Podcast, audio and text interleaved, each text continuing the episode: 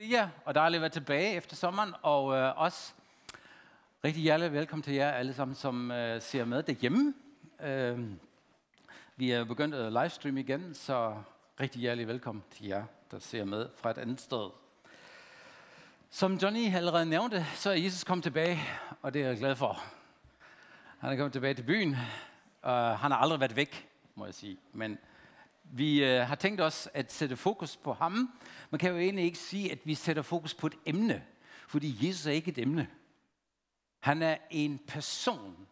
Uh, en, øh, mere end et person. Han er Guds søn, og han er menneske, og det er grunden, han er grunden til, at vi er Ole her. Så øh, jeg glæder mig at sætte fokus på ham her de næste halve år. Det synes jeg jo, vi har altid, men det er altid godt at sætte ekstra fokus på dem. Så jeg har fået det lod at give en lille intro til de uger, der ligger foran os. Og øhm, begrænse det måske lidt, eller lave en lille afgrænsning. Hvad skal vi egentlig beskæftige os med de næste uger og måneder? Og blandt andet skal vi kigge lidt på Jesu mirakler, på Jesu budskab. Vi skal kigge på nogle af hans lignelser, og jeg kan sige det med det samme, vi når overhovedet ikke det hele, fordi vi kunne snakke med ham om ham og i flere år. Men vi prøver at fokusere lidt på nogle af de væsentlige ting, som handler om ham. Og hans natur, hans væsen, at han er helt Gud, at han er helt menneske. Vi skal kigge på nogle af de besti- nogle bestemte emner, som han har taget stilling til og sagt noget. For eksempel skal vi kigge har Jesus sagt noget om bøn? Har Jesus sagt noget om køn og kvinder, og mand og magt og fremtid, sådan, hvor vi plukker nogle emner ud. Så I kan glæde jer til det her. Og hvis I spørger jer, hvorfor skal vi lige sætte fokus på ham, så er det faktisk fordi, det er jo vores relation til ham, det hele handler om. Og når man står i en relation med ham, så kan den også køre på rutinen. Ligesom det er i alle relationer. Øh, et ægteskab, jeg, jeg har ikke endnu mødt et par, som skulle giftes, og når de stod her foran og har sagt ja til deres ægteskab, at de sagde, ja, men i morgen der stopper jeg det. Eller i morgen. Altså, det, det har jeg bare ikke mødt. Det findes sikkert også. Men de fleste, der har sagt ja, for eksempel til et ægteskab, de, når de siger ja, så siger de, det er os to hele livet, ikke? Sådan er det jo også grundlæggende, når vi kommer til Jesus. De fleste siger til Jesus, jeg vil gerne følge dig, og det er os to hele livet. Men så kommer hverdagen. Og ikke rigtigt? Din hverdag, min hverdag. Og øh, så går der nogle gange nogle år, og så siger man, farvel Jesus. Hvordan kan vi bygge en relation til ham, som holder hele livet? Hvordan bygger han en relation til os, som gør, at vi er mere og mere begejstret af ham, og ikke mindre? Fordi hvis vi er ærlige, så gør der altså også op og ned i vores forhold til Gud, eller? I vores forhold til Jesus. Hvis jeg spørger dig sådan et meget personligt spørgsmål lige nu, hvornår har du sidst snakket med ham? Hvornår har han snakket med dig? Hvornår har han inspireret dig til at gøre noget sidst? Det kan være, at du siger, ah, det er et par uger siden. Nå, okay. Så øh, det kommer til at handle om vores relation til Jesus. Og selvfølgelig håber vi, at vi kan skabe, eller jeg tror, det er han, der gør det, at han skaber en ny begejstring for ham. Eller sætter nogle ting på plads, afmonterer nogle billeder, som vi har af ham. Fordi hvis vi har forkerte billeder af Jesus, som hurtigt sniger sig ind, måske har vi det slæbt rum i overvis, så øh, er det jo svært at have tillid til Jesus. Og det handler simpelthen om vores tillidsrelation til Jesus. Hvor meget tillid har jeg til ham, og hvordan vokser jeg i tilliden til ham? Og det er klart, hvis jeg har et billede af ham, at han er ikke så god med mig, som han, som han virkelig er, så er det svært at have tillid. Så det er virkelig en livslang rejse. Og øh, de næste måneder vil vi sætte fokus på det, og du er inviteret til det. Og det afspejler sig selvfølgelig også, hvordan vi behandler andre mennesker. Fordi Jesus siger, jeg har elsket os først, og nu skal I, fordi I modtager min kærlighed, give den kærlighed videre til andre. Så det har en kæmpe effekt hvilket billede vi har af Jesus. Det påvirker os rigtig meget. Så det er egentlig lidt baggrunden for vores valg at sige, Jesus vil gerne sætte fokus på dig. Og du må gerne bede i den her fase og i den her periode og sige, Jesus, jeg kan godt tænke mig at lade dig endnu bedre at kende. Jesus, jeg kan godt tænke mig, at du afmonterer nogle af de forkerte billeder, jeg har. Fordi det er meget, meget vigtigt, at vi også ønsker det, at vi gerne vil have det. Så øh, det har vi i hvert fald gjort og sagt, Jesus, vi vil gerne, at du viser dig på en ny måde, at vi ser nye sider af dig, at vi alle sammen bliver endnu mere begejstret af dig. Og det er ægte. Det er ikke noget, der er påduttet, men det er virkelig ægte. Og det tror jeg, det kommer vi til at opleve. Så øh, jeg har fået så den opgave til at give lidt baggrund for hans komme, hvor det, vi skal jo starte et eller andet sted. Og øh, fortælle lidt historien op til, at Jesus kom på jorden. Og Jesus er jo ikke bare fiktion. Hvis der er en ting, der er sikker, så er det, at Jesus har levet på den her jordklode. Cirka 2000 år siden. Man siger faktisk, at han er født fire år før Kristus. Det starter med ham i tidsregningen, men øh, han er faktisk født fire år før, fordi der, er ikke, der ikke, har ikke været rigtig styr på den her tidsregning. Så Jesus er født før hans komme. Nej. Han er født i Bethlehem, en meget, meget lille by. Øhm, de fleste kender historien øh, med Josef og Maria. Han er opvokset i Nazareth, som er lige sådan en lille by øh, i Nord-Israel. Der er måske på Jesu tid både der 200-400 mennesker, så der var ikke så mange. Og så gik der 30 år, cirka, hvor han bliver lidt mere kendt. Tre år på den her jordklode. Mere, hvor han gik rundt i Israel og gjorde en masse ting og sagde en masse ting. Og så døde han faktisk på et kors og opstod fra de døde tre år efter. Så Jesus blev kun sandsynligvis der omkring de 33 år. Vi ved ikke så meget om den her tid mellem hans 12 års alderen til 30. Der er en historie, hvor Jesus var med i templet, da han var 12, men så får vi ikke ret meget med at vide, og der er masser af spekulationer, men vi ved ikke så meget om det. Der er en ting, der er rimelig sikker. Jesus arbejdede som tømrer i cirka 15-18 år. Så han har været længere tømrer, end han har været rundt og prædike. 15 år, 18 år, fordi det var simpelthen tradition, at man øh, overtog sin fars job, eller var med i sit fars firma, og Josef han var tømrer. Så Jesus, han gik sandsynligvis rundt i mange år og byggede huse, lavede stole og møbler og hvad ved jeg. Uh, alt hvad sådan en tømrer egentlig laver, og måske mere, fordi de var jo ikke så specialiseret dengang. Han voksede op i Romeriet, og hans mor hed Maria, og så, når han kommer til hans far, så er det hans papfar. Fordi Jesus påstod sig, at det er Gud selv, der er hans far. Der er ingen tvivl om, at Jesus har levet, og Maria har været hans mor, fordi der er så mange vidner. Der, hvor det store spørgsmål ligger, det er, er Jesus Guds søn? Fordi vi finder masser af beviser om, at ja, Jesus har både i den tid, i, han er født i Bethlehem, han er vokset op i Nazareth osv. Men det store spørgsmål er, er det virkelig sandt, at Jesus er Guds søn? Og det vender vi tilbage til. Jeg tror, vi skal bruge en hel øh, formiddag på at finde ud af, hvorfor tror vi egentlig, at Jesus er helt menneske og helt Guds søn? Fordi det er sådan et vigtigt spørgsmål. Jesu entré i verden har været nøje planlagt fra Guds side. Jeg har lyst til at læse det første vers her. Jeg har et par stykker her til jer. Paulus siger sådan her til Galaterne, indtil Kristus kom, lever vi som slaver af religiøse regler og denne verdens tankegang. Men da den tid kom, som Gud forud havde fastsat, sat, sendte han sin søn her til jorden, født af en kvinde. Det øh, skifter allerede lidt fokus i vores tankegang, at Gud har simpelthen planlagt, at der kommer en dag, hvor han vil sende Jesus ned på jorden.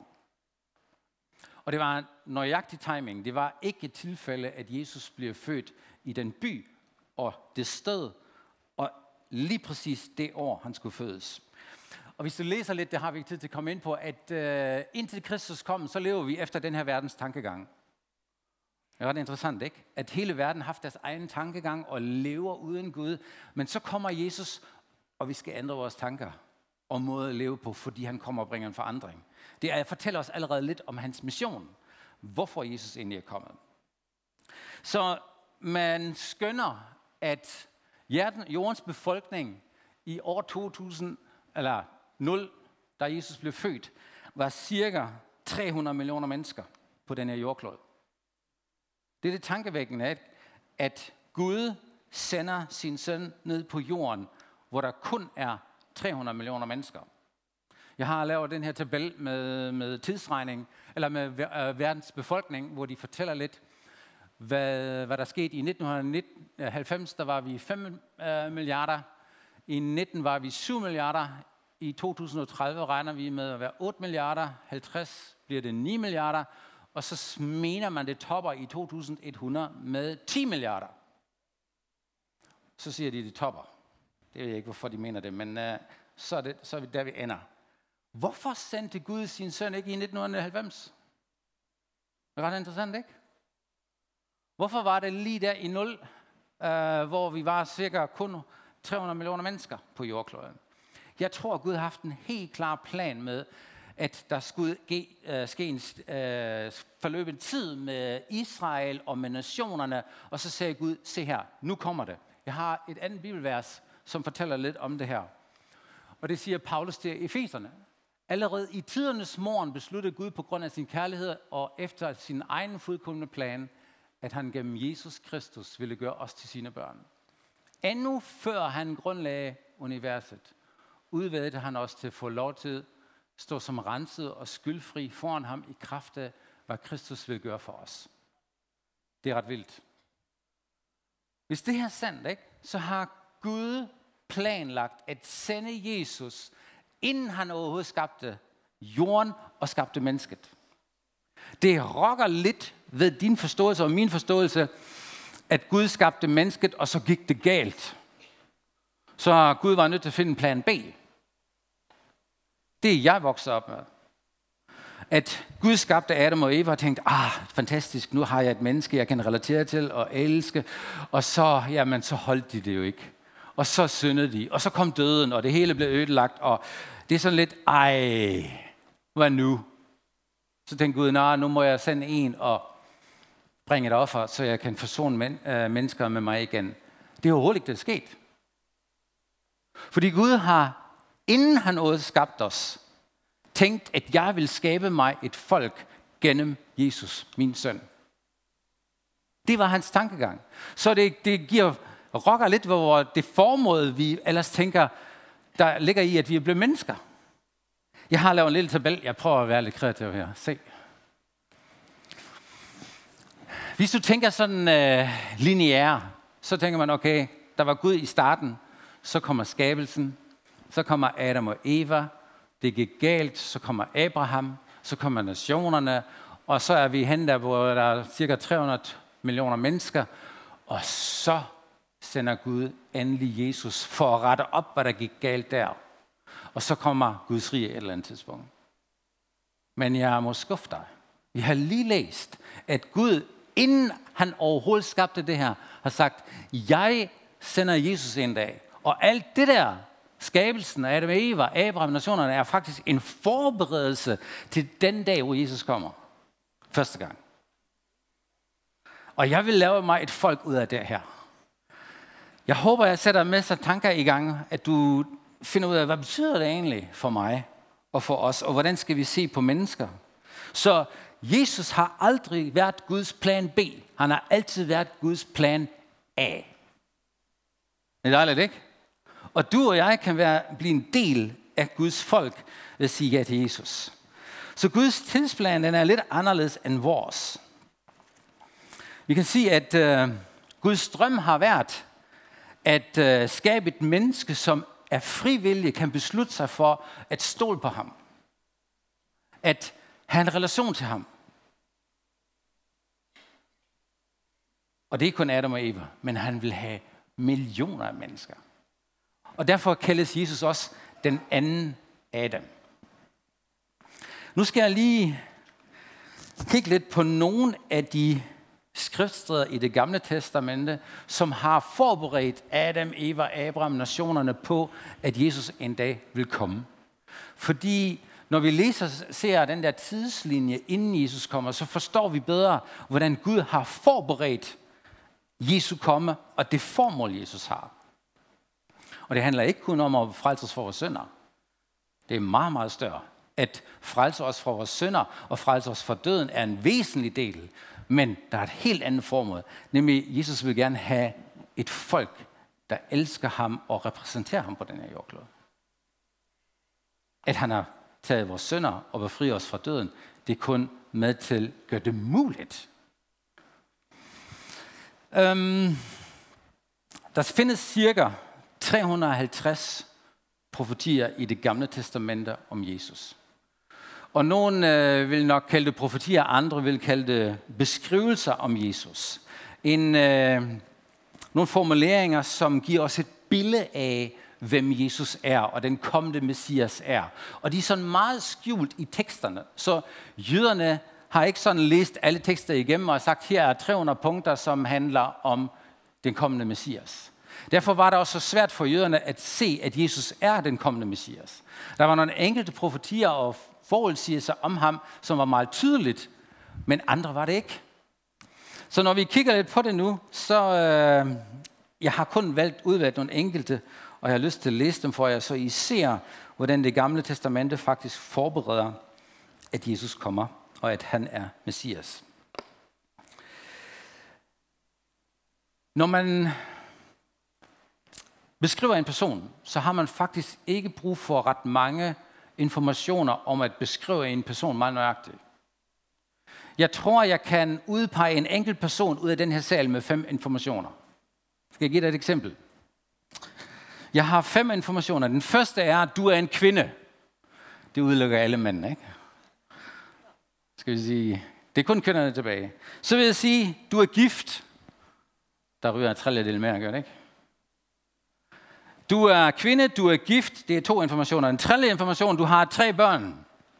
Hvor mange kvinder har vi tilbage? Må jeg lige se nogle hænder? Er der en kvinde, der er gift og har tre børn? Ah, der er et par stykker. Ja, okay. Okay, så siger vi det næste information. Den fjerde information, det er, du kommer fra Jylland. Er der nogen tilbage? Jo, vi har stadigvæk et par stykker.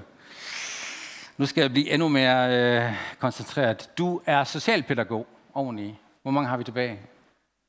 Er der en kvinde, som er gift og har tre børn og er født i Jylland og socialpædagog? Er der en enkelt, må jeg se en hånd? Der er en der. Er der andre? Nej, det er kun hende. Ja, selvfølgelig. Tove, yes. Fantastisk. Så det vil sige, det vil sige med fem informationer, ikke? Har faktisk udelukket alle andre. Fem beskrivelser af den her kvinde har gjort, at alle de her, de her fem beskrivelser gør, at jeg kan beskrive en person meget nøjagtigt, og jeg ved, det er hende, alle fem informationer passer på. Sådan er, skal vi også se det lidt, når vi kigger på profetier i det gamle testamente. At der er flere informationer om Jesus, og de passer alle sammen på ham, uden at han er presset ind i det. Det vil sige, han har ikke sådan sagt, nå okay, jeg er født i Bethlehem, ja, men ikke rigtigt, jeg er faktisk født lidt udenfor, men vi, vi gør det og passer det lidt. Nej, han er født i Bethlehem. Og der står i det gamle testamente, at den kommende messias bliver født i Bethlehem. Så det er en af ingredienserne, eller en af beskrivelserne. Så når vi kigger på nogle af de her profetier, så er det virkelig kun et lille udpluk. Og jeg har lyst til bare at gå lidt videre med det her, så I kan se, hvad Bibelen siger om den kommende messias. Og I kan se, hvordan Gud har forberedt nationerne, os alle sammen på, at der er kun én person, der er messias. Lad os starte med den her. Jeg har lige skrevet det, at der er 300 beskrivelser, eller 350 cirka. Det er lidt afhængigt af, hvor meget man, man fjerner, eller man, man tager det som enkelte beskrivelser af, af Jesus. Lad os starte med den første. Allerede efter syndefaldet, der siger Gud til slangen, jeg sætter fjendskab mellem dig og kvinden, og mellem dit afkom og hendes afkom. Du skal hugge ham i halen, men han skal knuse dit hoved. Det er faktisk det første profetiske ord om Jesus, at der kommer en, og der står jo ikke, at det er Messias, der, der, der, det er bare en forudsigelse, der kommer en, der knuser dit hoved. Og så når man tager den information alene, så giver det ikke så meget mening. Okay, der kommer en, men hvem er det? Så vi har brug for flere informationer for at slå det fast, at det virkelig er Jesus. Det næste, Gud siger til Abraham, desuden vil alle folkeslag, alle jordens folkeslag oplever velsignelse gennem en af dine efterkommere, fordi du allød mig. Her læser vi så, at Gud tilføjer en information mere. Han siger, Messias han kommer til at knuse slangens hoved, og han bliver en efterkommer af Abraham. Og der findes flere af den slags. Jeg har bare valgt en enkelt profetisk ord her, hvor Gud siger det her til Abraham. Det næste er sådan her.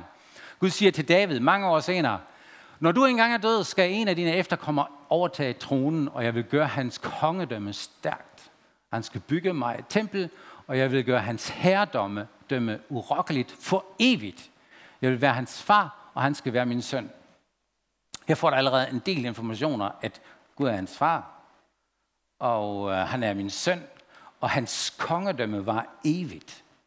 Så i det øjeblik, hvor vi begynder at tage alle de her informationer og lægge dem sammen, så bliver vores billede mere og mere klart, hvem Jesus er, eller hvem Messias er. Det er ligesom et puslespil. Jo flere dele du får, jo mere tydeligt bliver billedet.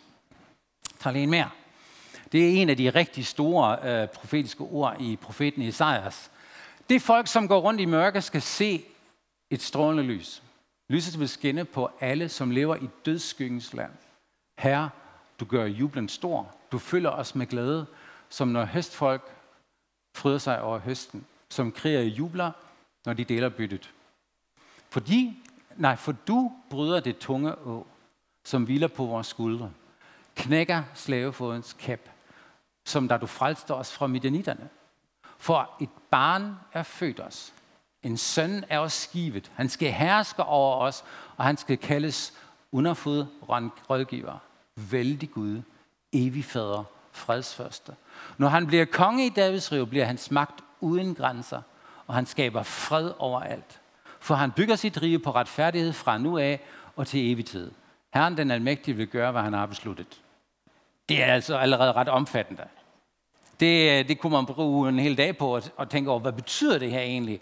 At der er en dag, der kommer en konge, som øh, regerer i retfærdighed, og øh, som knuser vores fjender. Og, og der, der kan vi allerede mærke, at jøderne, dem der læste det her, de tænkte, okay, det her det betyder, at der kommer en dag, hvor vi bliver endelig befri fra alle vores fjender. Også vores fysiske fjender. Romeriet. Og når du læser det nye testamente, så finder du ud af, at jøderne hele tiden forventede, okay, hvornår kommer han Messias? Er du den kommende konge? Er du det? Kan du ikke fri os fra romerne? Men det er jo ikke det, der står i den sidste ende i det her tekst. Der, der står kun, at ham Messias kommer til fri os fra det å, der ligger på vores skuldre. Og Jesus forklarer os i det nye testamente, hvad han egentlig mener med alt det. At han frier os fra syndens magt og dødens magt, og ikke fra et fysisk rige. Og det har selvfølgelig skabt en konflikt, da Jesus kom på jorden. Fordi man kendte alle de her forudsigelser. Og det er derfor folk siger, nej, det kan ikke passe. Han er ikke Messias. Det kan ikke passe. Fordi du kan jo læse, hvad der står om ham. Så det var virkelig et kæmpe spørgsmål. Er Jesus den, der kommer, skal komme, eller er han ikke det? Fordi man havde sin egen tolkning af de her ting. Lige et eksempel mere fra Isaiah, som er også ret stor. Der vil komme et øh, rødskud, rødskud fra Isaias stub. Et nyt skud på Davids stamtræ. Herrens ånd hviler over ham og giver ham visdom, indsigt, karakterstyrke, kundskab og Guds frygt. Han lever og ånder for at gøre Guds, Herrens vilje. Han bedømmer aldrig en sag blot på grundlag af, hvad han ser og hører. Han forsvarer fattiges rettigheder og dømmer de svage retfærdige. Han bærer ret adfærd som bælte om sit liv, klæder sig i trofasthed og sandhed. En gang vil ulven og lammet følges ad. Leoparden vil hvile sig hos skedekittet. Kalven og løven græsser sammen, så et barn kan passe dem. Køer og bjørne blive venner, så deres unger ligger side om side. Løven ved æde græs som oksen. Spædbørn kan lege ved slangens hule, og småbørn kan udstikke hånden i hukorms rede. Det er ret interessant det her, ikke? fordi det er jo ikke sket endnu. Uh, hallo, hvad er det så? Passer det her? Er det virkelig en sand profeti om den kommende Messias, om Jesus? Fordi vi har jo ikke set det her, at leoparden ved, uh, øh, hviler hos øh, uh, gedkødet. Ikke? Prøv det af, det holder ikke længe. ikke nu i hvert fald. Hvordan skal vi så forstå det? At der er et profetisk ord om Jesus, og den ene, tid, den ene sidder og går i opfyldelse, og den anden er ikke går i opfyldelse. Jeg har prøvet at være lidt kreativ igen. Prøv lige at se. Er det ikke dejligt? Nu skal jeg lige forklare det, ikke? det forklarer en del. Bare vent og se. Tegningen alene vil ikke gøre det. Det der er den røde, det er profeten, okay? Og profeten, han kigger fremad, det er den grønne linje. Og han ser bjergtoppene. Den der, de der grønne krydser, ikke? Han ser dem alle sammen. Men han ser ikke, hvad der sker i mellemtiden, i dalene. Så han fyrer en lang profeti af med fem punkter. Den femte punkt, den røg helt ud der, kan I se. Han siger nogle ting, uden at han ved, og Gud har ikke vist ham det, hvad der egentlig ligger i de her dale. Han fortæller kun noget om højdepunkterne, og der er nogle tids- og rum imellem det. Sådan har Gamle Testamentets profeter ofte profeteret. Ikke, ikke kun sådan, nogle gange har de også selvfølgelig også sagt ting, der bare passer. Sådan her og nu i den tid, og nogle beskrivelser. Men det her, det er jo et perspektiv på det lange løb, og man kan ikke se tingene imellem. Det gælder faktisk også den profeti, vi lige har læst, hvor han fortæller om noget højdepunkter, hvad Messias vil gøre, men vi kan ikke se, hvad der sker i mellemtiden, når der er lang tid imellem de ting. Fordi der kommer en dag, hvor leoparden og gedekidet kommer til at være sammen. Vi har lige en mere her, og det er også en lang en, fordi den beskriver faktisk Jesu lidelse. Han, øh, Messias, var ikke noget flot syn. Ingen særlig skønhed. Der var ikke noget ved hans udseende, som gjorde ham attraktiv. Han blev hadet og forkastet. Hans liv var fuld af sorg og smerte. Vi så til den anden side, når han gik forbi. Vi regnede ham ikke for noget. Vi troede, at hans lidelser var Guds straf. Men det var vores sygdomme, han tog på sig, vores lidelser, han bar. Han blev gennemboret for vores synder og lemlæstet for vores overtrædelser. Straffen ramte ham, for at han kunne gå fri. Ved hans sår blev vi helbredt. Vi var som får, der var faret vildt. Vi gik hver vores egen vej. Men Herren lod ham bære den straf, vi skulle have haft. Han blev pint og mishandlet, men var tavs som et lam, der føres til slagtning, som et får, der lader sig klippe uden at klynke. Han blev ydmyget, dømt og ført bort. Efterkommerne har han ingen af, for hans liv på jorden endte bræt. Han tog straffen på folkets synd. Man ville begrave ham sammen med forbryderne, men han fik en gravplads blandt de rige, for han havde ikke gjort noget forkert og aldrig bedraget nogen. Det var Herrens plan, at han skulle lide, men når han har bragt det offer, som soner andres synd og skyld, vil han få talrige efterkommere og et langt liv. Og Herrens plan skal lykkes igennem ham. Der står mange informationer om Jesu død og lidelse, bare i den her korte tekst. Og han fik et gravplads blandt de rige. Der er nogle konkrete forudsiger om, om Jesus. Og hvis du nu allerede tager, bare tager de fem-seks stykker, som jeg har talt om, så får du allerede et billede. Det her, det er Jesus. Alt, hvad der er blevet sagt om han, det passer. Øh, sidste to her. Du Bethlehem, Efrat, du er kun en lille landsby i Juda, men fra dig skal en hersker undgå, som skal lede Israels folk på mine vegne. Det er sådan et klart, klar, klar udsagn. Jesus bliver født i Bethlehem. Så der er rigtig, rigtig mange informationer om Jesus i det gamle testamente, og du skal finde dem frem. Og hvis du tænker, nå, det er godt nok svært, så er du ikke alene, fordi Johannes skriver i Johannes evangeliet, at disciplene forstod overhovedet ikke, hvad der blev sagt om Jesus. Det er først senere hen, forstod de, at alt, hvad der blev skrevet om ham, gik i opfyldelse. Så jeg tror, at Jesus inviterer os ind i en proces.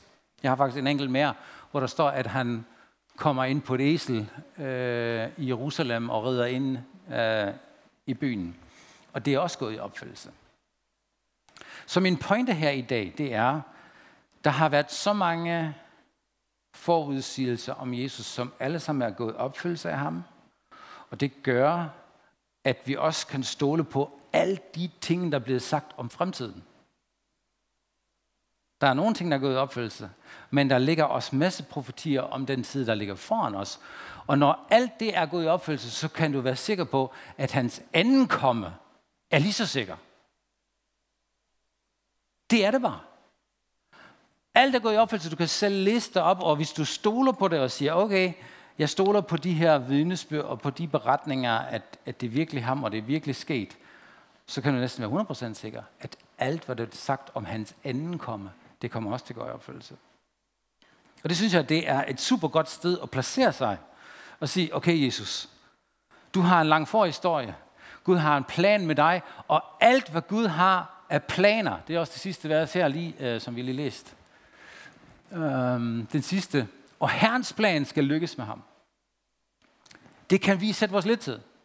Alt det panik, der er i verden i øjeblikket, det er nogle gange, så tænker jeg, man, hold op, kan vi ikke snart få nogle gode nyheder? Det er jo en lang, lang række dårlige nyheder, og det bliver for varmt, og klimakatastrofe, og tørke, og for meget regn, og altså det, det er noget andet, og krig, og ødelæggelse, og jamen, man kan, jo blive, man kan jo kun blive helt træt, ikke? Men midt i alt det her, midt i det her, så står Jesus der og siger, jeg har også en fremtidsplan. Midt i alt det her.